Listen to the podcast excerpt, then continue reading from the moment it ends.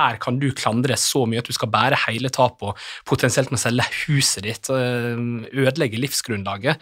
Det er, jo, det er jo sånn at man blir helt sjokkert når man kommer inn i den materien her.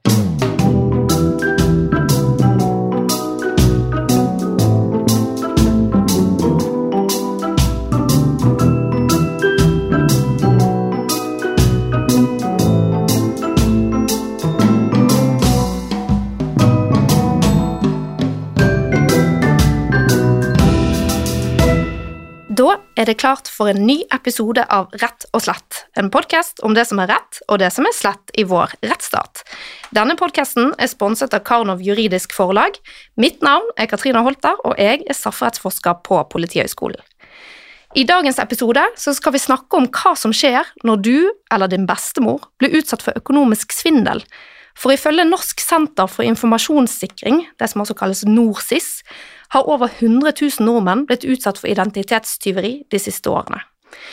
Fordi teknologi og datasystemer stadig blir bedre sikret, er det enklere for kriminelle å gå veien om mennesker, ofte omtalt som det svakeste leddet, fordi disse kan manipuleres, påpeker NorSIS. Og senteret frykter at misbruk av bank-ID kan bli den neste store svindelbølgen. Mange er nok ikke klar over hvor store konsekvenser det kan ha å bli offer for denne type kriminalitet. For det er ikke sånn at bankene nødvendigvis kommer til din unnsetning. Tvert imot. I mange tilfeller så går bankene hardt ut mot offeret for å få tilbake tapte penger, og svindelofre blir ofte sittende igjen med skjegget i postkassen. I høst avsa Høyesterett en dom som går lenger i å gi svindelofre beskyttelse enn det domstolene tidligere har gjort, det betyr, ifølge en av dagens gjester, at det kan finnes en rekke saker der ofre for svindel er utsatt for økonomisk justismord. Før jeg introduserer gjestene, så må vi snakke litt om hva Olga-svindel egentlig er. Olga-svindel er et uttrykk som brukes som en kynisk form for lureri som blir rettet mot eldre kvinner. Og Olga er da altså en representant for flere av disse kvinnene. Svindlerne vil da søke opp telefonnummeret til kvinner som har navn som var populære for 70-80 år siden, og så ringer de til disse kvinnene og utgir seg for å være noen andre, f.eks. fra banken. Svindleren bruker kanskje telefonnummeret til banken for å få det til å virke ekte, og kan oppfordre Olga til å søke opp og google nummeret for å sjekke at det faktisk er fra banken. Svindlerne spør eh, gjerne disse kvinnene om de har tatt opp lån, f.eks., og det benekter de jo. Og da blir de fortalt at eh, de nå vil bli overført til sikkerhetsavdelingen i banken, der de skal få hjelp til å få slettet den lånesøknaden som er på vei til å bli opprettet. Og på denne måten så blir de altså lurt til å gi fra seg opplysninger som passord og bank-ID. Og før kvinnene og banken merker at noe er galt, så kan, kan eh, kontoen være tappet for flere hundre tusen kroner. I ettertid så kan kvinner bli sittende igjen med ganske store økonomiske tap, og siden det også er dyrt å gå til domstoler, så kan det være vanskelig å få gjort noe med det. Noen som tilbyr viktig bistand til disse kvinnene og til andre svindelofre, er Jussbuss. Jussbuss er en studentdrevet organisasjon som yter gratis rettshjelp til de som ikke har råd til å gå til advokat. Og jeg har fått med meg daglig leder for Jussbuss, Ole Martin Juel Slyngstadli, velkommen til Rett og slett, Ole Martin. Tusen takk for det. Veldig hyggelig å være her. Jussbuss er jo en del av et uh, prosjekt som kalles for ID-juristen. Hva går dette prosjektet ut på? Prosjektet går ut på at man skal både bistå enkeltpersoner som har blitt svindla eller blitt utsatt for identitetstyveri, eller ikke får tilgang på elektroniske ID-tjenester, for på den måten å hjelpe dem i de konkrete sakene. Samtidig så er målet vårt å kunne finne ut av hva er omfanget, hva skjer her, hvor mange gjelder det her, for på den måten å kunne få gjort noe med det, rett og slett. Mm. Og hvordan jobber Jussbuss med disse sakene? Jo, Jussbuss eh, og ID-juristen da, sammen med JURK og gatejuristen, vi eh, får da inn enkeltsaker. Det som typisk skjer, noen kommer, merker at eh, de har fått masse brev, masse regninger, begynner å grave litt, finne ut at oi, noen har tatt opp lån i mitt navn. Da må vi kartlegge hva har skjedd, hvordan har svindelen funnet sted, for deretter å begynne å bestride kravene, og så eventuelt ta rettslige skritt. Da er det representasjon i Finansklagenemnda, forliksrådet osv. Finansklagenemnden, hva, hva, er det for noe? Ja, det er altså et organ som er oppretta av eh, bransjen og Forbrukerrådet, som skal være en tvisteløsningsmekanisme for å ordne opp i de svindlene her. Men da er det altså frivillig om banken ønsker å rette seg etter vedtaket. Men vi ønsker jo svært ofte å ta saken dit først, for hvis vi vinner fram og den går til domstolen, så eh, må motparten, altså banken, dekke eh, svindelofferets kostnader. Takk for det. Og dagens andre gjest er Marte Eidsand Skjørven. Hun er professor i privatrett på Universitetet i Oslo. Marte er bl.a. ekspert i finansmarkedsrett og forbrukerjus, og har jobbet mye med svindelproblematikken. Hennes innsats på dette feltet har vært eh, formidabel, og Marte har eh, også uttalt at det finnes en rekke økonomiske justismord mot ofre for svindel i norsk rettspraksis. Velkommen til deg òg, Marte. Tusen takk for det, veldig hyggelig å være her. Hvordan har du engasjert deg i svindelsaker?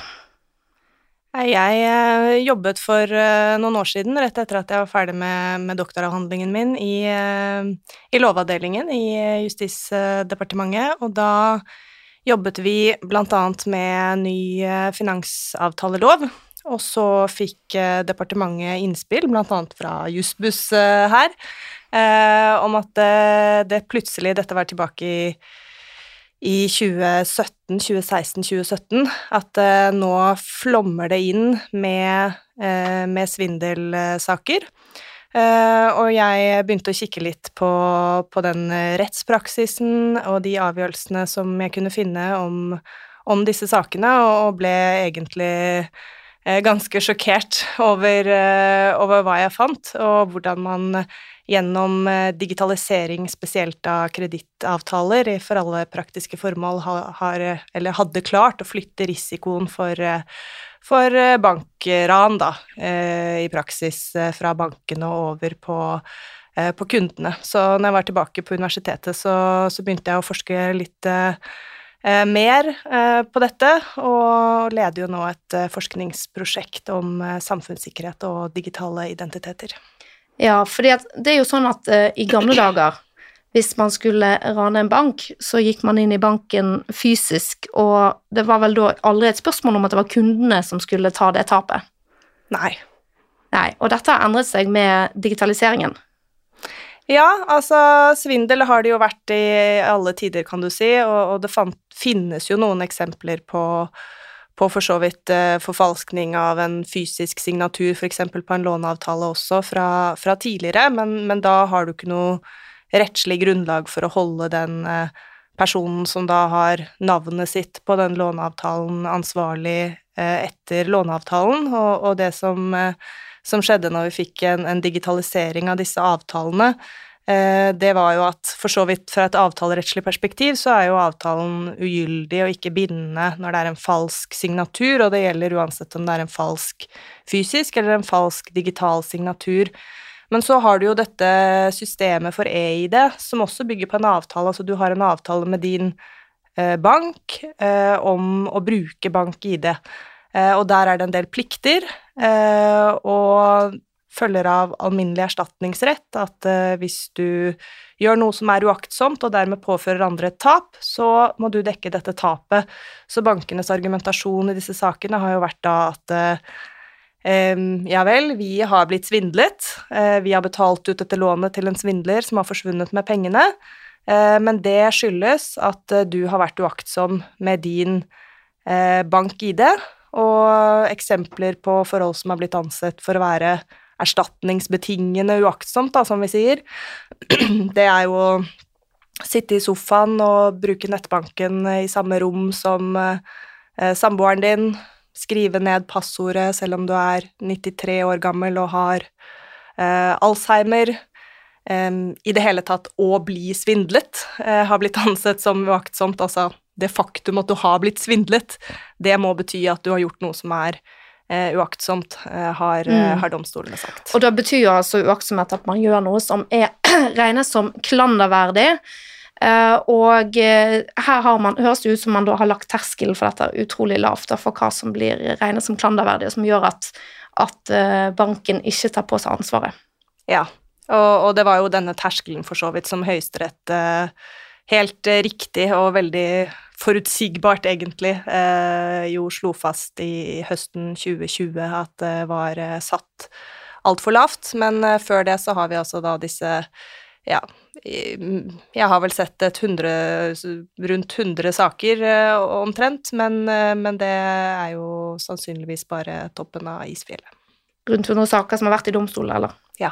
Nettopp. Og som du mener er uriktig dømt? Ja, mange av de bygger helt åpenbart på feil anvendelse av eh, de erstatningsrettslige reglene. Og beklager, her, her må jeg også få skyte inn, for Juspus bistår jo i forliksrådet, eh, og der går det jo ikke an å få tak i noen av avgjørelsene, nærmest. og Hva er forliksrådet? Forliksrådet er jo altså da eh, et organ som man kommer til før man skal til tingretten, hvor eh, det ligger litt i ordet. Målet er å forlike saken, altså komme til en enighet mellom partene. Og Det som er problemet i forliksrådet, er at du kan dunke i bordet med så mange rettsregler du bare vil, men forliksrådet har ett ønske, og det er at eh, her skal man komme til enighet. Så der har Jussbuss stått eh, gjentatte ganger og sagt nei, men etter loven så er det 12 000 kroner eh, kunden her skal betale. Og så sier de som sitter i forliksrådet ja, men kom igjen, kravet er på 200 000. Nå har banken sagt at de kan gå med på 100 000. Det her må dere bli med på. Mm. Og så blir skjønner. veldig mange pressa til å inngå, eh, inngå forlik som de aldri burde ha inngått etter loven, og så har de råd uansett til å ta saken til domstolen dersom de skulle nekte. Det er veldig interessant. Kan du eh, beskrive, Ole Martin, en type sak som dere i Jussbuss jobber med, der noen har blitt utsatt for ID-tyveri? Det kan jeg jo selvfølgelig. Altså det, det typiske er jo ofte svindel i nære relasjoner. Eh, Det får vi inn ganske mye av. Altså at det er eh, altså et barn som har svindla foreldre, foreldre som har svindla barn, kjærester som svindler hverandre, ektefelle.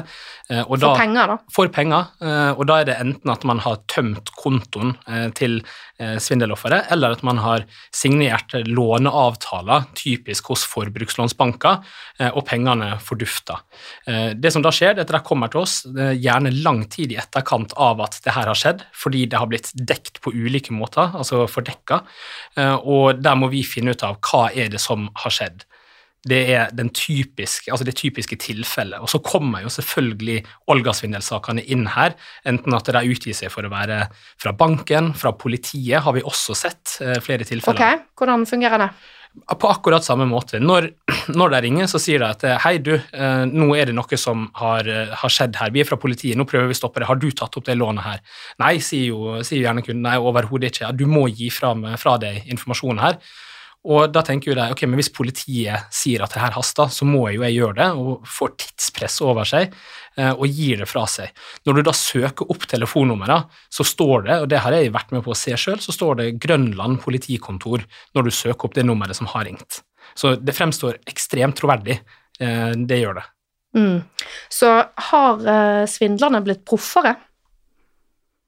Altså, svindlerne er jo mange av de veldig profesjonelle, men, men man har kanskje to ulike grupper her, da. Og det ene er jo den eh, på en måte profesjonelle eh, svindelen som skjer bare over nett, eh, hvor du jo har helt proffe selskaper med, med ansatte og, og kjempestore omsetning i gåsetegn. Med, med veldig, veldig profesjonelle nettverk med organiserte kriminelle eh, på den ene siden, som da gjerne gjelder svindel med, med betalingstransaksjoner i, i hovedsak, og så har du da denne andre gruppen, eh, som eh, gjelder da svindel mellom, eh, mellom nærstående, og der er jo kanskje problemet mer at de er jo ikke nødvendigvis så veldig profesjonelle, men du trenger i grunnen ikke være så veldig profesjonell for å, å klare å svindle en eh, nærstående, fordi man gjerne har eh, tilgang da til det man egentlig eh, trenger for å gjennomføre den, eh, den eh, svindelen i ganske sånn umiddelbar eh, nærhet. Eh, og da kan det jo være andre problemer som ligger under, som spilleavhengighet, rusproblematikk, eh, eh, den type ting, eh, eller at man selv har fått et problem med med forbrukslån som baller på seg, og så når det sier stopp og man ikke får tatt opp mer i sitt eget navn, så begynner man å, å ta opp i, i nærståendes eh, navn isteden- istedenfor, da. Mm. Og bank-ID det er jo noe som kan brukes til veldig mye forskjellig i dag. Altså Det er jo en innloggingsmetode på mange statlige tjenester. Eh, og jeg hørte også deg fortelle i en annen podkast om eh, en sønn som hadde gått inn med, med bank-ID til foreldrene og tatt ut skilsmisse. Mm.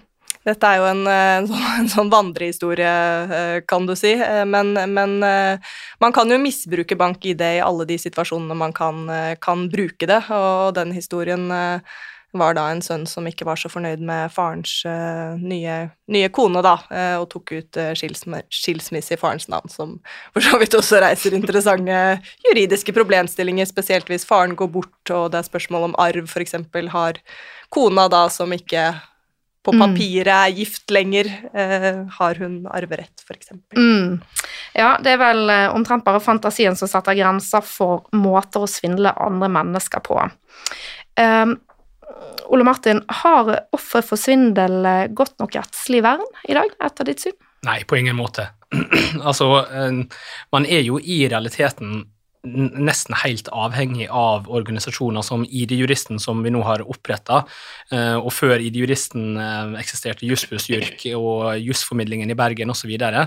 Eh, noen Og dette er andre da studentdrevne grupper? Helt riktig. altså Juridisk rådgivning for kvinner og Jussformidlingen i Bergen er også studentdrevne organisasjoner.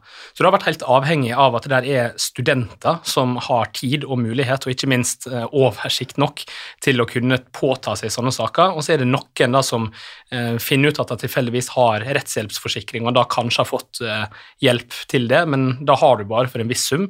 Eh, så i stor grad så står de alene mot finansinstitusjonene i de sakene her. Så nei, på ingen måte godt nok eh, rettsvern. Nei, ikke sant. Um, og, og, så er det jo det at når du da skal gå til retten, og du var jo litt inne på det, sant? så koster jo det ganske mye penger. Uh, og hva gjør de da? Altså, hva gjør dere? For dere, dere er studenter, så dere kan jo ikke møte i retten. Nei, uh, altså det vi har gjort tidligere, er jo at vi da prøver å gå til advokatselskap for å se om eh, de kan ta saken pro bono, altså at de tar det uten å ta betaling fra klienten.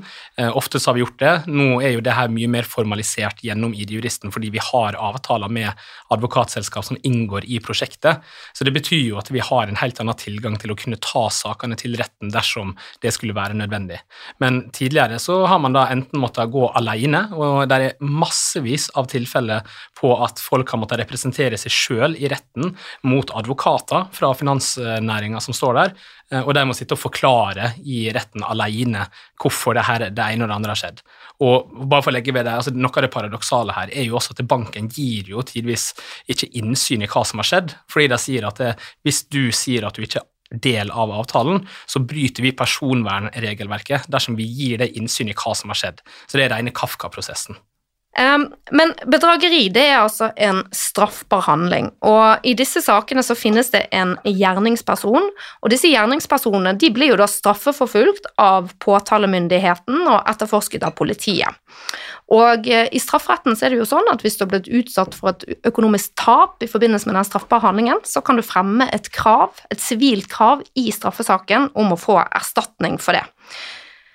Så er jo problemet i disse sakene at uh, gjerningspersonen gjerne ikke har økonomisk dekning. Uh, de har, uh, hvis de har spillavhengighet, så skjønner man jo at det her ikke er personer som har penger på bok.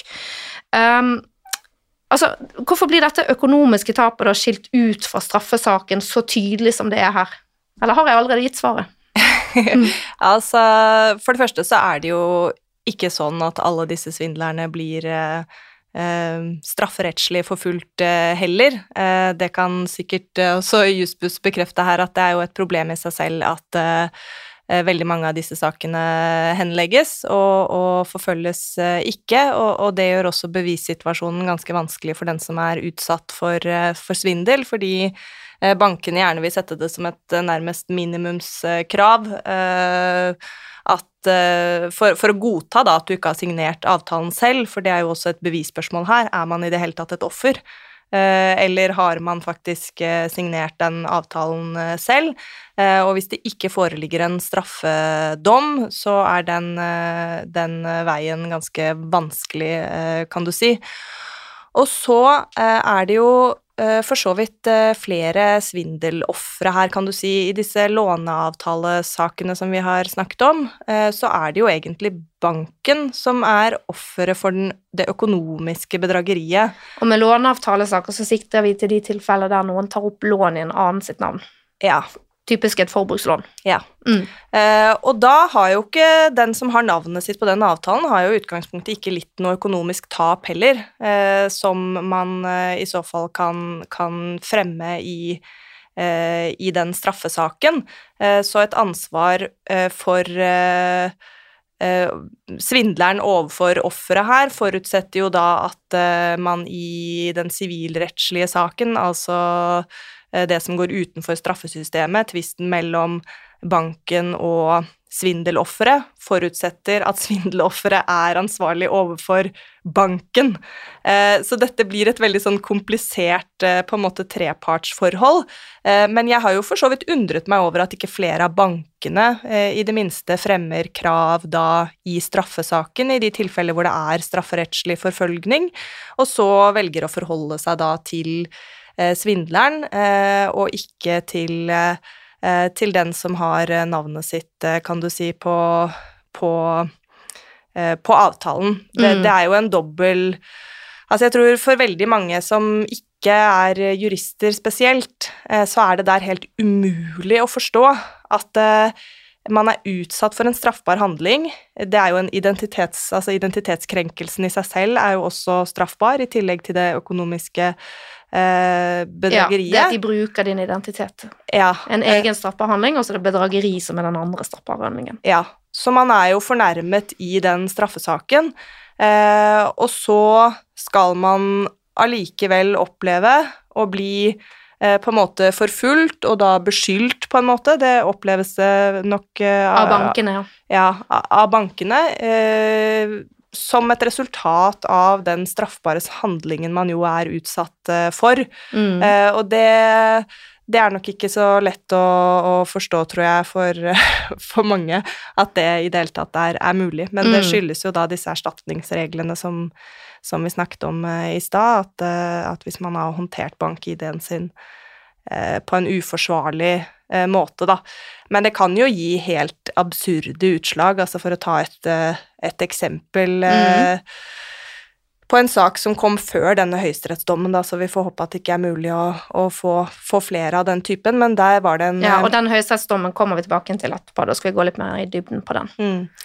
Men da var det en, en kvinne som er utsatt for eh, eh, grov eh, familievold. Eh, slag og spark og stadige trusler og med barna til stede og mens hun var gravid og altså virkelig, virkelig En alvorlig ektefelle eller partner. Ja. Eh, alvorlig familievoldsregime. Hun eh, får tatt med seg de to små barna på, på krisesenter, og eh, denne mannen har da utsatt henne for vold. Han har også brukt hennes, eh, hennes bank-ID og hatt kontroll over den og tatt opp lån. Eh, og så kommer hun seg omsider på en måte ut av dette. Mannen blir strafferettslig eh, forfulgt. Hun er jo fornærmet i denne veldig alvorlige eh, saken. Og så blir hun da rett etterpå saksøkt av en bank, som da vil ha disse pengene sine for det lånet som, som er tatt opp, og hvor, hvor domstolen da sier i denne tvisten mellom banken og henne at eh, eh, det er ikke godtgjort at eh, hennes eh, liksom unnfallenhet, tror jeg er ordet som er brukt, eh, Mm. eh, skyldes eh, familievoldsregimet som hun har, eh, har eh, levd under. Men eh, det er ganske Det er ganske sterk kost, altså. Ja. Ja. Men altså, man sier jo gjerne, alle som jobber med økonomisk kriminalitet og sånn, ikke sant, så sier man 'follow the money'. Eh, men hvor blir det av pengene, Ole Martin? Jo, det, det er jo et spørsmål veldig mange stiller seg. Det gjør også vi veldig ofte. Og eh, for Jussbuss sin del, vi er jo tross alt eh, studenter, så, så har det vært vanskelig å følge, med mindre politiet har tatt etterforskningsskritt. Men det viser seg jo å være ganske omfattende planlegging som ligger i dette her, hvor, hvor jeg har bl.a. sett penger gå via New York og ende opp i Kampala. Eh, der er også blitt opplyst i saker vi har vært inne i, at eh, det er sannsynligvis et svart marked for bank-ID-brikker i Oslo, eh, hvor man da benytter seg av unge personer som springer rundt i minibanker og tar ut kontantene. Og det benyttes også selskap som man kjører gjennom i, også her når det er profesjonell svindel som skjer. Mm. Uh, og så, altså, så, var vi litt inne på dette her med at uh, altså, man en, en, Man har en straffesak, og så parallelt så oppstår det da en sivil tvist. Uh, og siden dette her egentlig er første gangen i rett og slett at det går inn i privatretten, og inn på privatrettens område, så Marte, lurer jeg på om du vil forklare for lytterne mine litt sånn grunnleggende sett, altså utdype, så jeg tror mange skjønner forskjellen, men utdype litt hva som er hva, hva er det som karakteriserer privatretten versus offentligretten? Oi, det er et veldig stort spørsmål. ja, det er det. Men du er jo professor, så jeg sender deg til det. altså, offentlig, de offentligrettslige reglene handler jo om forholdet mellom borgerne og uh, staten, eller det offentlige. Uh, skatteregler, strafferett, forvaltningsrett, utdanningsrett, uh, den type ting. Eh, mens privatretten da gjelder forholdet mellom, eh, mellom private parter, og i, i, disse sakene som vi snakker om her, da ofte mellom eh, altså tre private parter, egentlig. Svindleren og eventuelt banken og, og svindelofferet, som da i disse situasjonene reguleres av avtale- og erstatningsrett, og, og dels av finansavtaleloven. Mm. Og hvilken betydning, betydning, har det for svindeloffer at disse sakene føres i privatrettssporet? Det er vel noe med beviskravet blir jo annerledes, og, og så er det jo dette med at man må betale, sant? Ja, man får jo ikke noe Man har jo ikke noe rett på, på rettshjelp eh, i det hele tatt, eh, til tross for at eh, konsekvensene i en del av disse sakene kan jo være langt alvorligere, egentlig, enn i en del av de offentligrettslige sakene hvor man har krav på, på rettshjelp. Jeg mener, mm. blir du funnet ansvarlig for tre millioner i, i, lån som du ikke har tatt opp selv, så er jo resten av livet ditt egentlig, uh, egentlig ødelagt. så det, så det, det er jo en viktig konsekvens, selvfølgelig. Mm.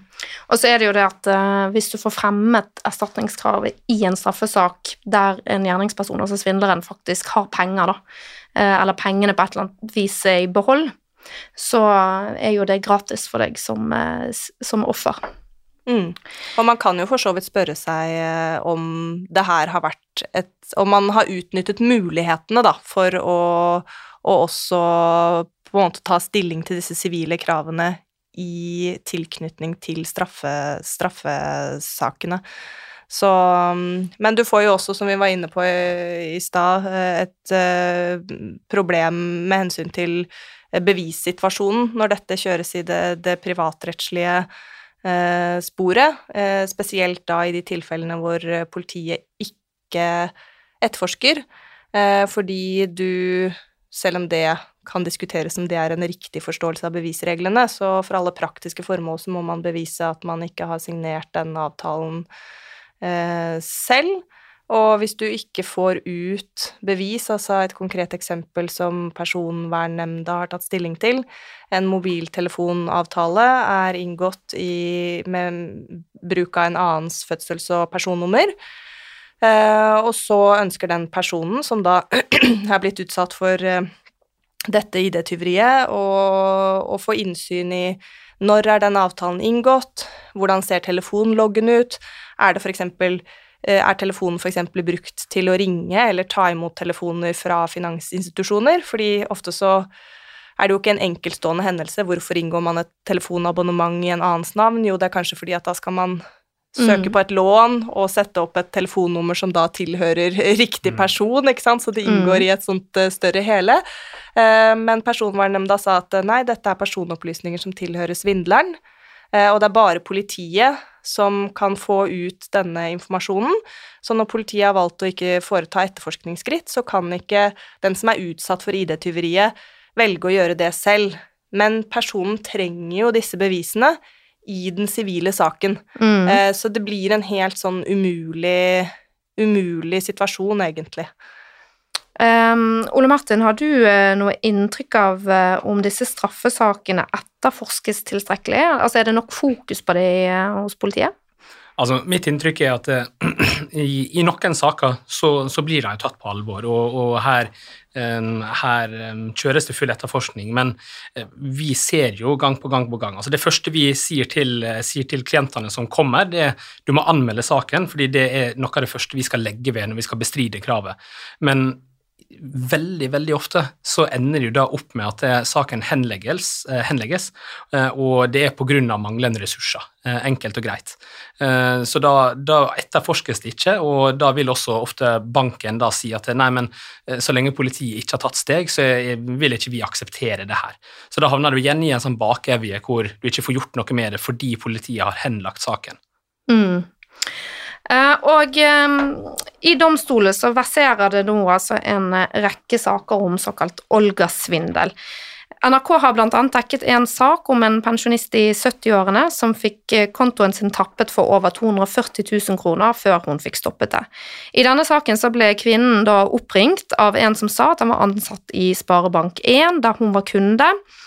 Og han spurte om hun hadde søkt om lån. Dette er altså helt i tråd med, med det typiske disse Olga-sakene. Det hadde hun ikke gjort, og da ble hun da overført til denne såkalte kollegaen som skulle hjelpe henne med å slette lånesøknaden. Uh, og her ble hun da bedt om å oppgi koder og passord for bank-ID, noe som hun da uh, gjorde, da. Uh, og det som, det som, blir beskrevet litt i dommen her, er jo at For dette, dette blir jo en rettssak som da har vært nå både i tingretten og i lagmannsretten. Og det som beskrives da i lagmannsrettens dom, som er den siste, det er jo at uh, svindlerne på denne måten etablerte en forståelse av at det dreide seg om et nødstilfelle der denne pensjonisten måtte bidra til å stoppe en pågående lånesøknad. Like etter denne samtalen så fikk hun en SMS der det sto at fra banken, en ekte SMS fra banken, der det sto at telefonnummeret hennes var blitt endret i nettbanken, og da ble hun eh, faktisk mistenksom, eh, og dro direkte til banken. Men da var det jo for seint, fordi at kontoen var allerede tappet for 240 000 kroner. Hun taper da sin sak i tingretten, men vinner seinere i lagmannsretten. Ehm, banken mente at eh, denne damen hadde handlet med forsett, dvs. Si, man mente at hun hadde med viten og vilje gitt bort sin eh, bankkonto-ID, eh, og at hun derfor måtte dekke tapet sjøl. Ehm, var dette grunnen til at hun tapte i tingretten, Marte? Vil du utdype? Ja, da er det kanskje aller først bare å ta et lite skritt tilbake, for nå er vi over i en annen eh, svindelform enn den vi stort sett har snakket om hittil, som er eh, lånesøknadene, altså falsk digital signatur på en lånesøknad. Eh, og nå handler det om betalingstransaksjoner, og da er dette særregulert i finansavtaleloven som gjennomfører betalingstjenestedirektivet, så dette er felles europeiske regler. Og hovedregelen da Eh, når det gjelder sånne uautoriserte betalingstransaksjoner, det er at banken må bære det tapet. Eh, og grunnen til at vi har den hovedregelen, det er jo at eh, man i sin tid ønsket å utvikle elektroniske betalingssystemer, så at ok, dette kommer til å medføre sannsynligvis noe mer svindel, for at kundene skal ha tillit til dette og ikke fortsette å, gå rundt med kontanter. Eh, så, så, må vi ha denne hovedregelen. Så da er hovedregelen at banken må ta tapet, men så er det en egenandel for kunden på 12 000 hvis hun har opptrådt grovt og aktsomt, og så må kunden bære hele tapet ved forsettlig pliktbrudd, mm. og det var jo det banken eh, argumenterte med her, at her hadde Olga opptrådt med forsett.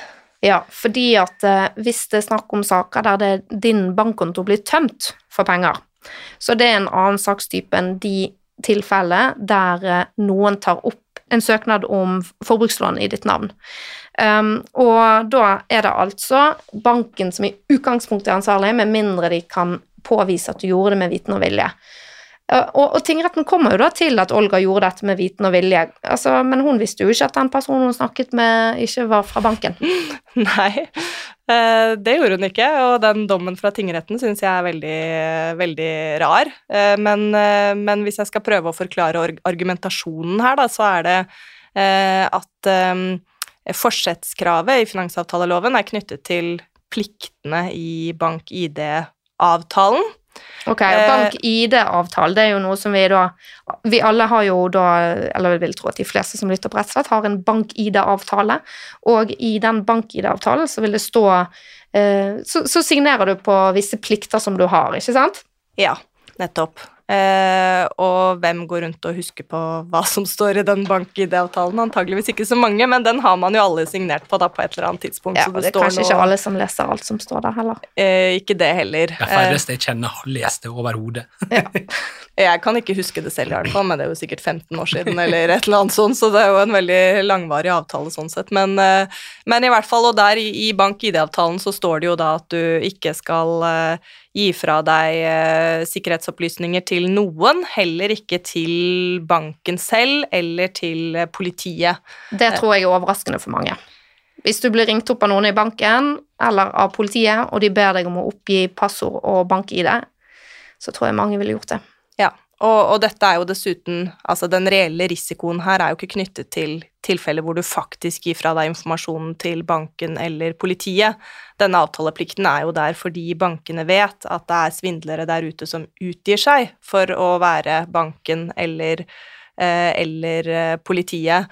Eh, Men i hvert fall så er jo da dette en, en plikt som står i avtalen, og så er tingrettens argumentasjon da at hun har jo vært på en måte ved bevissthet, da kan du si, når hun har sittet i den telefonsamtalen.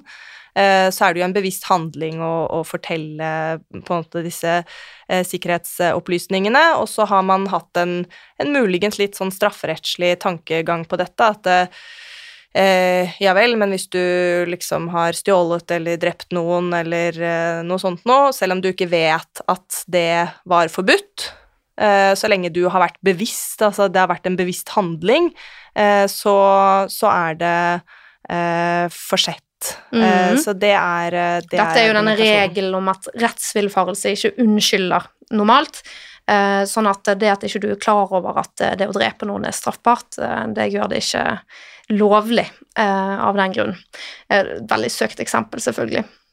Ja, og det passer jo heller ikke i en privatrettslig sammenheng med plikter i en standardavtale mellom en næringsdrivende og en forbruker, eh, hvor den næringsdrivende har på en måte diktert en, en masse plikter. I strafferetten så handler det jo om handlinger som gjerne i utgangspunktet er eh, klanderverdige, eh, og det er det jo ikke her. Og dessuten så er det jo i tillegg en faktisk, en helt sentral faktisk villfarelse i det at hun tror hun snakker med banken, men rent faktisk snakker med en, en eh, svindler. Mm. Og normalt også i, straff, nei, i erstatningsretten så knytter man jo forsettet ikke til plikten dessuten, men til skaden.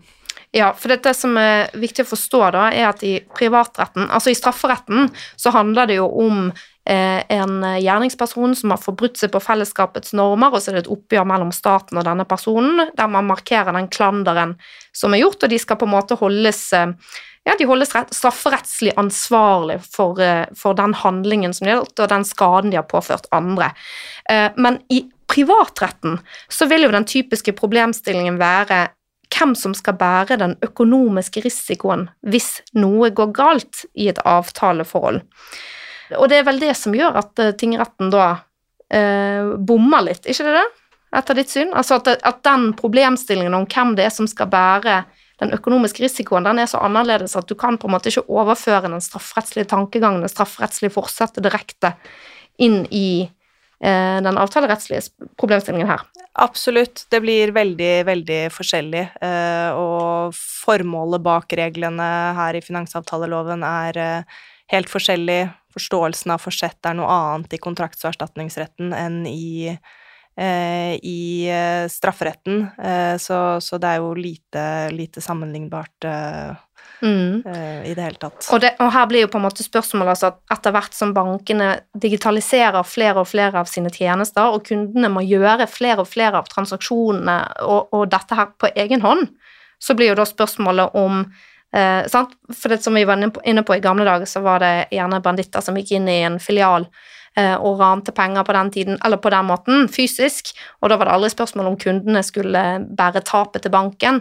Men nå, når du på en måte får den heldigitaliseringen, så blir da risikoen skjøvet også over på kundene.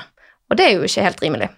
Nei, og det er jo derfor uh, hovedregelen da etter finansavtaleloven er at banken skal ta tapet, uh, og at det er bare i de veldig klanderverdige, på en måte, hvor, hvor kunden uh, har ikke tatt noe hensyn, kan du si, i det hele tatt, da. Mm. Uh, at man skal sitte igjen med, med, tapet. Og da tror jeg nok ikke at lovgiver hadde tenkt på gamle Olga, som blir svindlet av ekstremt profesjonelle, uh, veldig overbevisende organiserte kriminelle, at det skulle utgjøre forsett. Og det var jo for så vidt også grunnen til at Altså, nye finansavtalelov skulle jo vedtas i, i Stortinget høsten 2020, og, og, da hadde vi denne diskusjonen rundt disse Olga-svindelsakene som, eh, som, eh, var eh, i ferd med å, nå domstolene, og hvor man da valgte i ny finansavtalelov faktisk å spesifisere at den typen forsettsbetraktninger ikke er en riktig forståelse av ny finansavtalelov. Eh, men, eh, men, det brukes jo da nå som et argument for så vidt for å si at det, men det er noe nytt, og i den finansavtaleloven som gjelder nå, så, så er det annerledes. Ja, Martin? Også, også, altså, Marte har jo forska på dette her i mange år, og, og, for de av oss som kommer inn og jobber med rettshjelp i tiltak, og sånn, så er det jo nettopp som Marte er inne på det her med sånn her hvilken grad av klanderverdighet er det? Og altså, folk får jo bakoversveis når du får med deg at det, altså man, skal, man, anser det som så klanderverdig at bestemødrene våre tar telefonen fra det som på alle praktiske formål fremstår som banken, og føler på det presset og gir det fra seg. Altså det, det, er jo helt hårreisende mye av den argumentasjonen som har kommet fram her fra bankene på at nei, her kan du klandre så mye at du skal bære hele tapet og potensielt må selge huset ditt, ødelegge livsgrunnlaget. Eh, det er, jo, det er, jo, sånn at man blir helt sjokkert når man kommer inn i den materien her. Eh, mm. Og Det er også derfor reglene har blitt endra på Stortinget, fordi man har fått øynene opp for dette her. Men at det har fått lov til å pågå så lenge, og at man fortsatt ikke har klart å få på plass den nye loven som er vedtatt for ja, snart ett og et halvt år siden, er jo det, det er helt utrolig, mm. synes jeg. Ja, det skal vi komme litt tilbake til. Men, men hva tenker du, altså, hvorfor er det rimelig at bankene betaler for tapet? Mm. Jo, fordi at det, det er jo som, som, Marte var inne på her, altså når det kommer til eh, det her med digitalisering og tillit og alt sånt her, altså for det første så eh, Dersom det, dette her bare får fortsette, så vil jo folk tenke at ja, men det er så utrygt å ha bank i det, at man slutter å ha det. Det er jo det ene. Det andre eh, som er med det, er jo at det er jo bankene som i all hovedsak kan hente ut profitten på alt dette her. Ja, det er flott og fint at det, ting går fort hvis man skal søke om lån og sånn, men samtidig så ender man jo da opp med at man skyver all risikoen over på dette her, og jeg mener mener jo at det er medaljens mm. bakside. Fordi det effektiviserer uh, lånebehandlings... Altså Ja, altså ting går fortere og alt ja. sånt der, men det er jo banken som i all hovedsak tjener på dette her. Mm. I alle fall når de vet at de får dekning, uh, når de får dekning for dette her fra offeret uansett. Uh, så da, da, er det jo helt åpenbart at de kan pulverisere tapet på en annen måte enn nettopp Olga kan da. Mm. Har bankene gjort nok for å sikre kundene sine? Nei, altså det vil jeg tørre å påstå, etter at jeg har jobba en stund i Jussbuss, at det, det, vil jeg si at de ikke har. I alle fall ikke når det kommer til lånesøknadene. Altså Der er det jo helt utrolig. og det, Nå skal vi snakke om dommen etterpå, men altså en enkel telefonsamtale, et kjapt søk, det er, det er, så enkle tiltak som kunne blitt gjort for å avverge mange av de svindlene her, så nei, det har de ikke. Mm. Det er jo for så vidt også avdekket av eh, Finanstilsynet ganske grundig, eh, hvor man har hatt eh, en et tilsyn, da, spesielt av forbrukslånsbankene, på i hvilken grad reglene om kredittvurdering blir oppfylt. Altså før, før bankene innvilger lån, så skal de jo vurdere om den kunden er i stand til å betale det lånet, og det er en plikt bankene har. og der er det jo blitt avdekket eh, veldig grove og systematiske brudd på den kredittvurderingsplikten. Og det er klart, hvis du gjennomfører en ordentlig kredittvurdering, så er det også mye lettere å avdekke om det er svindel. Hvis du bare betaler ut lånet basert på at noen signerer med bank-ID, og du ikke sjekker Du ber ikke om noen dokumenter, du sjekker ikke Altså, du sjekker ingenting, så er det jo eh, mye lettere å slippe gjennom svindel også. Og da er det jo litt fascinerende egentlig å se på de samme bankene, og, og det var det det er blant annet en av de tingene jeg har gjort, det er at jeg da har sett på de eh, navngitte forbrukslånsbankene som eh, da har hatt Finanstilsynet på besøk, hvor det er avdekket nettopp grove brudd på dette regelverket, som også ville ha ledet til mindre svindel hvis man hadde fulgt det. Fordi man rett og slett gir ut forbrukslån for enkelt? Ja. Uh, og så undersøk da ok, hvilke dommer er det vi har nå fra den samme perioden mot de samme bankene. Og da er det jo de samme bankene. Fordi det skal man jo også huske på her, at det er jo en del av de større aktørene her, som vi i liten grad ser i hvert fall så mye i, i de tvistene, da. Eh, så du har eh, noen, spesielt forbrukslånsbankene, som går igjen. Eh, og det er da de samme som da eh, ikke full, følger det offentligrettslige regelverket og krav til kredittvurderingsplikt osv., får beskjed av Finanstilsynet dette er alvorlig, her må dere skjerpe dere. Og så går de på en måte og skylder på kundene sine, eh, at ikke de har vært forsiktige nok med, med bank-ID-en, og det skal få konsekvenser, økonomiske konsekvenser for, for dem, eh, selv om bankens egne brudd på, på sine plikter ikke, ikke, får noen økonomiske konsekvenser for banken. Mm. Um, og du var inne på denne nye finansavtaleloven som er blitt vedtatt, eh, men den har ennå ikke trådt i kraft.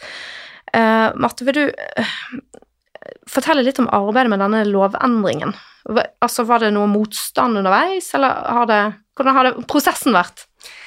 Ja, altså Arbeidet med finansavtaleloven har jo vært stort og, og omfattende, og, og, og, inneholder for så vidt veldig mange ulike deler. Innebærer også gjennomføring av tre EU-direktiver, eh, eh, blant annet. Eh, så, men det er jo spesielt disse eh, det er to, to ting eh, i finansavtaleloven som er veldig relevant for det vi snakker om nå, og det ene er eh, at man nå har innført eh, nye regler om tapsfordeling ved eh, disse type falske digitale signaturer i låneavtaler, som tidligere da falt utenfor finansavtaleloven. Mm, for forbrukslånssakene, da. Ja. Mm. Det har man nå tatt inn og sagt at ok, vi, skal, vi vurderer dette på samme måte som betalingstransaksjoner, det vil si Eh, hovedregelen er at banken må bære tapet, egenandel på 12 000 ved grov uaktsomhet, og kunden har ansvarlig ved forsett.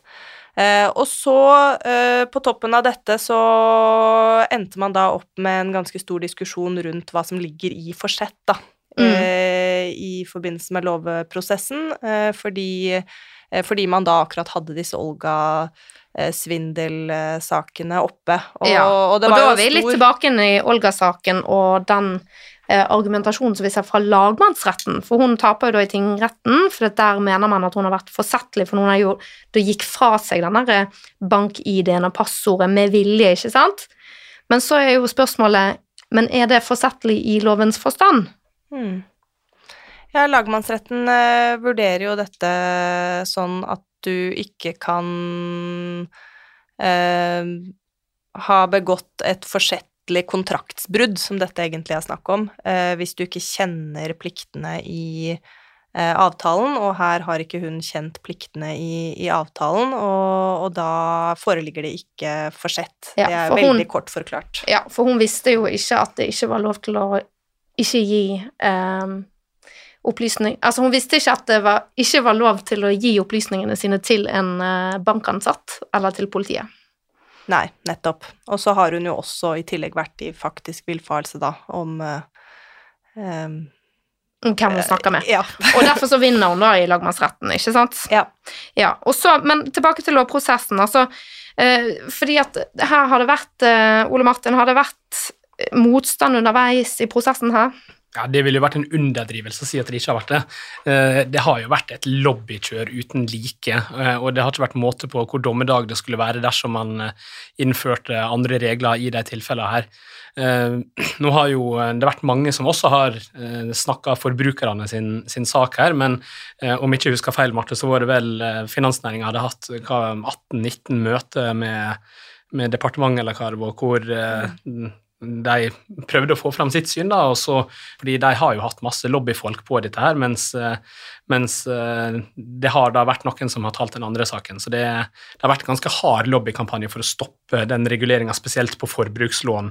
Fra Eh, bankene, da? Fra bankene, ja. Og så har jo bl.a. Jussbuss og JURK hatt massevis av debatter om dette her og prøvd å sette søkelyset på det, og, og sånn sett også fått gehør da, med den lovendringa som kom. Ok, nå må vi gå inn på denne høyesterettsdommen. Eh, hva var det den handlet om? Eh, dette var en eh, mann som eh, var eh, Hadde sin bank-ID-brikke på kontoret der han jobbet, eh, og det var en, slags kollega, eller i hvert fall en person på en måte i kretsen på jobben, som, som hadde fått tak i hans bank-ID-brikke og og tatt opp et lån eh, i, eh, i hans eh, navn. Og så var det jo spørsmål da om han var ansvarlig for det tapet, som følge av at han hadde vært uaktsom med bank-ID-brikken sin. I denne saken var det uklart, og det er det jo for så vidt ofte, hvordan svindlerne hadde fått tak i hans passord. Mm. Eh, men eh, det ble lansert noen ulike teorier om bruk av keylogger, eksempel, altså en sånn Ser ut som en sånn eh, minnepinne, egentlig, som du bare kan stikke inn i USB-porten i, i PC-en, og den lagrer alle tastetrykk. Aha. Eh, så det er jo én måte. Sette opp et lite kamera. Eh, Ja. an, altså, det finnes mange forskjellige måter, for så vidt, når du er i fysisk nærhet da, til å kunne plukke Ja. opp passordet. Og så kom vel Høyesterett til at han hadde vært eh, uaktsom fordi at han hadde lagt bankbrikken sin i en veske i en skuff som var tilgjengelig på dette kontoret. Men det var for så vidt ikke nok i seg sjøl. Det var det at han hadde eh, reist fra det og vært på ferie og litt sånn som gjorde at det kanskje bikket over i Høyesterett kom jo til at han ikke var uaktsom. Eh, altså, de eh, Ja, han kunne klandres. Han- Sånn var det. Ja. Eh, han kunne klandres for ikke å ha vært eh, superforsiktig, eh, men det som er interessant, er jo at eh, Høyesterett sier at dette som han kan klandres for, det er allikevel ikke nok fordi til å, til å statuere uaktsomhet, og idet du har sagt at det er uaktsom, så er det jo et ansvarsgrunnlag, det er vilkår for erstatning Mm. oppfylt. Eh, og det var ikke oppfylt fordi eh, her må man også se på bankens eh, forhold. Eh, hva kunne banken ha gjort for å forhindre tapet? Hvilke muligheter har banken for å pulverisere tapet? Altså eh, man kan tenke seg at man setter opp eh, prisene på tjenestene litt, og så er det litt svindel, men da betaler alle kundene på en måte litt eh, for det. Eh, og ikke minst, hvem er det i hovedsak som har nytte av dette systemet? Eh, og det er jo Dette digitale systemet, ikke sant. Ja. Fordi her ble det jo da denne kontormedarbeideren, eller hva vi skal si, medarbeideren, hadde jo da tatt opp dette lånet i hans navn. Ja, og, og var blitt strafferettslig også dømt uh, mm. for det. Fordi Så- Høyesterett da mente at uh, da hadde ikke den banken som ga ut det forbrukslånet, gjort uh, nok for å sikre seg om identiteten til den som søkte om lånet. Nettopp. Og her er vi igjen i tilbake litt sånn forskjellen på privatrett og offentligrett her. Dette er jo ikke bare et spørsmål om hva burde kunden gjort, men like mye også et spørsmål om hva burde banken gjort, for det er hele tiden en interesseavveining mellom de partene, og her er jo banken den eh, profesjonelle parten, som også har ganske gode muligheter for å egentlig avverge den typen av eh, svindel.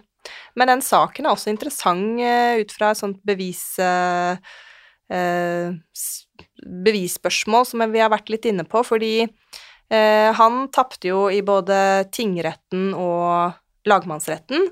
Eh, og det var egentlig basert på ikke en tolkning av erstatningsreglene, men bevisvurdering. Altså han ble ansett for å ha vært med på, på å signere, eller medvirket da, til låneopptaket.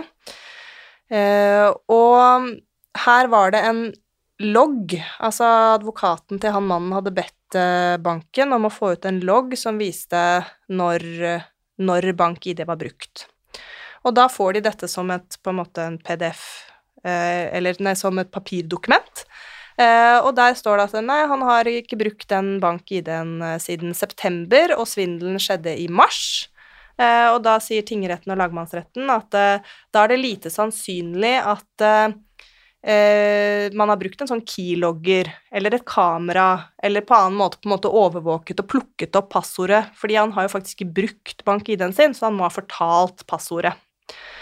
Og så viser det seg da først når saken står for Høyesterett, og man har fått Forbrukerrådet på banen, man har fått inn nye advokater som tok dette pro bono, eh, og eh, får belyst saken bedre, så viser det seg at her er det sannsynligvis en skannefeil. Så man har tatt et tosidedokument, den loggen, og så har man skannet det bare med én bare ensidig, og da mangler det siste siden i den loggen. Eh, så han hadde jo brukt bank-ID-en sin i den perioden. Men dette har du jo ingen kontroll over selv, disse bevisene. Fordi du kan gjerne si 'men jeg har brukt bank-ID-en min etter september', mm. men du sitter ikke på bevisene Nei, for det er det eh, motparten det. som gjør. Ja. Nettopp. Og du, du, spurte jo også om, om det her med om bankene har gjort nok, og der konkluderer også Høyesterett avslutningsvis med å si at det, eh, her har EasyBank, eh, som det da gjaldt, valgt å innrette sin virksomhet på en sånn måte at det har muliggjort svindelen. Eh, det er jo også å gå ganske langt i, i å si at det, det, her handler spesifikt om hvordan dere har lagt opp virksomheten deres. Mm. Så det, det, er jo også sånn sett interessant da, at de har bevisst valgt en måte som gjør at det her kan skje, men likevel prøver å, å lempe tapet over på kunden. Mm. Ja. Det er, jo helt for, det er jo helt forutsigbart, ikke sant. Og de har jo holdt på i flere år også, så man kan på en måte ikke komme og si at uh, vi visste ikke at dette var en risiko. Dette kan de jo til og med kalkulere inn. De ser jo hvor mange svindelsaker de får inn. Mm. Ja. Men det er denne, under denne sakstypen at du har eh, ment at det foreligger økonomisk justismord fra tingrettene. Vil du utdype litt det? Ja, altså ut fra det som Høyesterett eh, da slo fast at det er den riktige måten å anvende disse erstatningsreglene på, som har vært den riktige måten å anvende erstatningsreglene på hele, hele tiden, så er det ganske opplagt at det er mange av disse sakene eh, som jeg snakket om i stad og, og, ga noen eksempler på, som, som ikke, ikke tar hensyn til Eh, alle disse argumentene som Høyesterett trekker inn, og som man må trekke inn i en erstatningsrettslig vurdering. Som altså går på at også banken har et visst ansvar? Ja, nettopp. Fordi eh, domstolene har eh, i veldig mange av disse tidligere sakene, da, eh, på en måte utelukkende sett på hva eh, hva kunne kunden gjort annerledes, eh, og glemt at dette er en tosidig vurdering i en erstatningssak av Eh, både skadevolder og, eh, og skadelidte. Så det er ganske åpenbart at eh, en del i hvert fall av disse sakene har fått et feil utfall, og det er jo lite å gjøre med, da. Ja, for dette er ikke noe som Jussbuss kan hjelpe de med? Nei, vi, Jussbuss, ID-juristen, er jo Nå er det nok jurister i ID-juristen, men det stopper på en måte der, men det er jo nettopp der uh, at ID-juristen kommer inn her.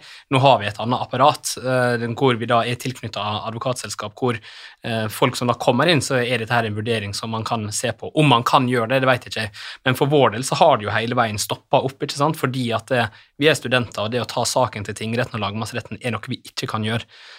Så, så det har vært veldig vanskelig. Mm.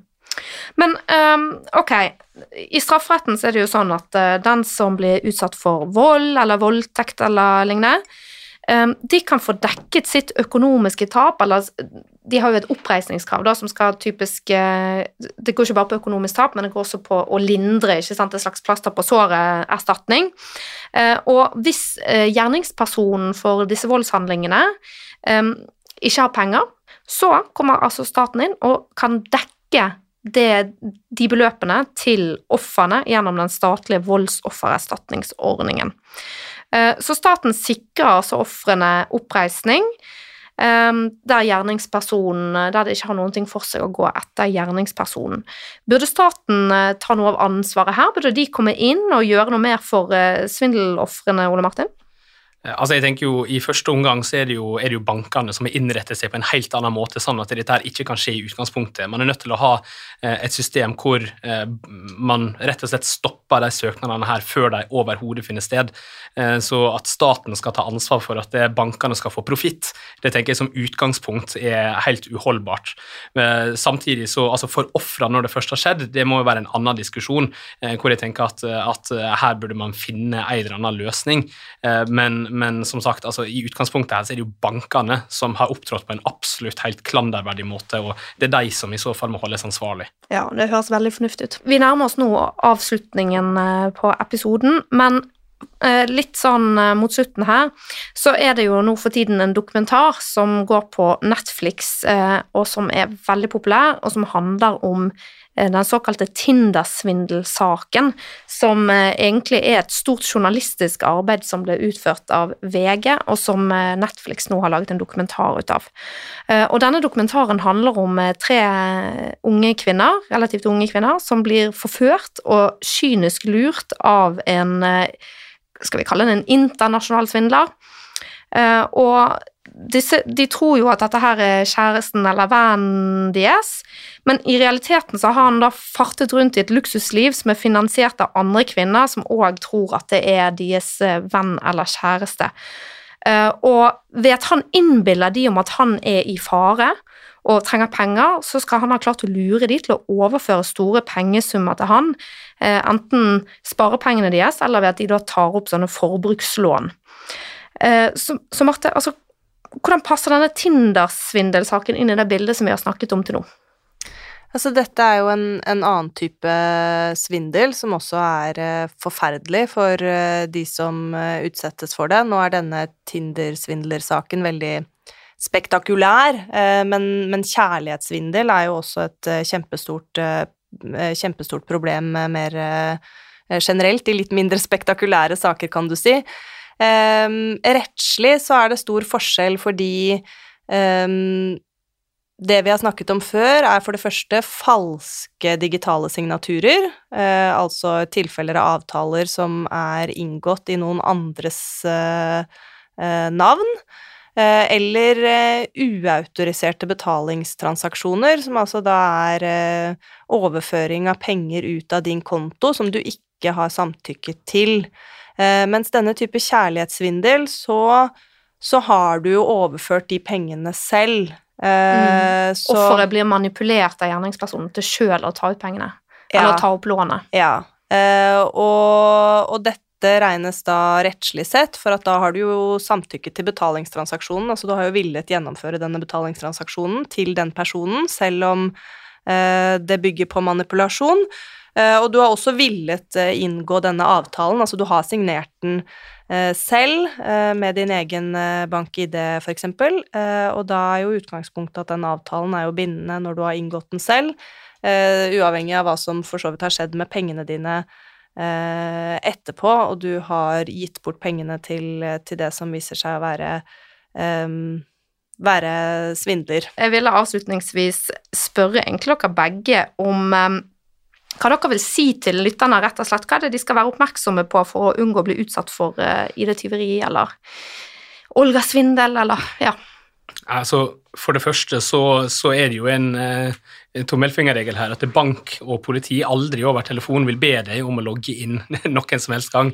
Eh, så, så ikke gjør det. Og eh, som vi snakka om i Olga-svindel, så eh, det kan jo fremstå som en lek, det. Så når du googler og går på gule sider og sjekker telefonnummer, så kan det være deg, men det vil jeg aldri be om.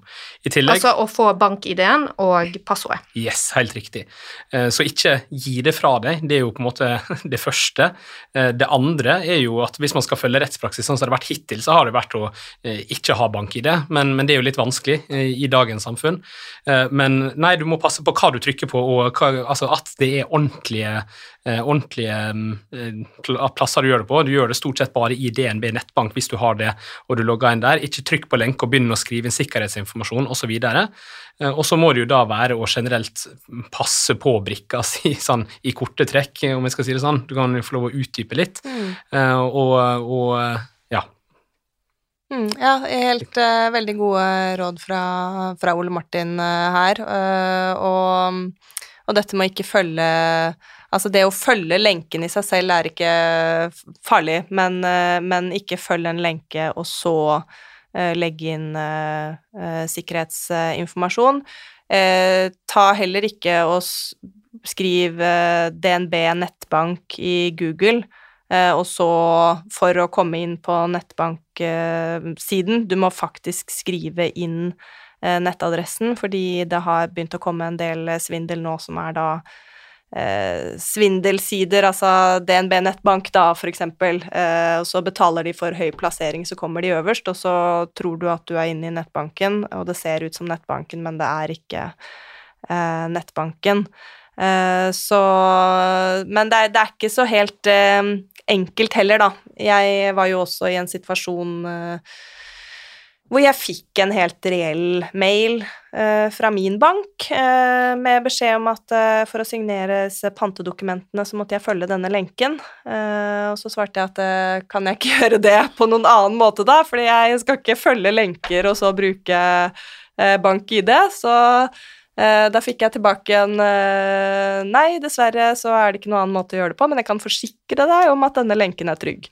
Eh, så, og dette var jo reelt, men selvfølgelig, hvordan skal mm. man kunne på en måte skille den situasjonen egentlig fra en svindelsituasjon? Det blir veldig krevende. Absolutt. Og hva skal man gjøre hvis man først har blitt utsatt for identitetstyveri? Først og, beklager. Først og fremst eh, så, så, må du jo prøve å område finne ut av hva som har skjedd. Kontakt eh, de som har sendt deg inn faktura, f.eks., eller lignende. Eh, deretter så, så, vil jeg anbefale å logge inn i gjeldsregisteret, se om det er tatt opp kreditt i ditt navn andre plasser. Gjeldsregisteret har jeg aldri hørt om. Uh, jo, altså det, det er ei side du logger inn på, for øvrig ofte med bank-ID, uh, for å se oversikt over hvor det er stifta gjeld i ditt navn. Uh, og da kan du også finne ut av hvor det her er. så må du også innføre, eller altså, ta ut sånn kredittsperre, sånn at det ikke kan skje videre. Eh, kontakte utsteder og få den oversikten, og nå kontakte da ID-juristen, sånn at man kan få bistand videre. Men det er rett og slett å få klarhet i situasjonen og stoppe at det kan skje derfra og ut gjennom en sånn kredittsperre. Og sperre bank-ID-en. Ja, ja, selvfølgelig. Mm. Som inngår i det. Mm. Ja. Og da, helt avslutningsvis, så vil jeg spørre dere om det er noe dere vil fremheve som dere synes er rett eller slett i vår rettsstat, Marte? Ja, vi har jo snakket ganske mye om hva jeg syns er uh, slett, i hvert fall. Uh, og jeg kan jo kanskje oppsummere det uh, som at rettssikkerheten generelt er ganske dårlig i privatrettslige saker, og spesielt i, i saker mellom forbrukere og, og, veldig sterke næringsdrivende, i dette tilfellet finansinstitusjoner, og det går dels på manglende rettshjelp, det går dels på et uh, nemndsystem som fungerer uh, ikke optimalt, av grunner som jeg ikke skal bruke tid på, på her. Um, ja, så der er, det, der er, det, noe man må gjøre på systemnivå. Mm. Ole Martin? Jo, det jeg syns er rett, det er at eh, det forhåpentligvis eh, kommer en ny finansavtale snart som verner, eh, verner forbrukerne i langt større grad. Det har, det har jeg selv vært med å jobbe for lenge, og det, det, det er et vern som har vært sårt trengt, og så får vi se hvordan det blir i praksis. Det som er slett, det er noe jeg har sett gjennom Jussbuss, og det er rettighetssituasjonen til innsatte i norske fengsel, altså psykisk helse i fengsel, de facto isolasjon, isolasjon over en lav sko. Det er noe av det som har overraska meg mest hvordan eh, situasjonen er for eh, mange innsatte. Eh, der er det langt ifra godt nok, og folk som sitter isolert altfor lenge, ofte uten vedtak, med alle de menneskelige konsekvensene det medfører. Det, det syns jeg rett og slett er slett. Ja, det er faktisk helt skrekkelig. Men eh, takk til eh, dere som har eh, stilt opp i dagens episode, og til dere lyttere, takk for følget i dag. Husk å abonnere på denne podkasten, og fortell gjerne om den til en venn eller til en kollega, slik at vi lettere når ut med det glade budskap. Vi høres.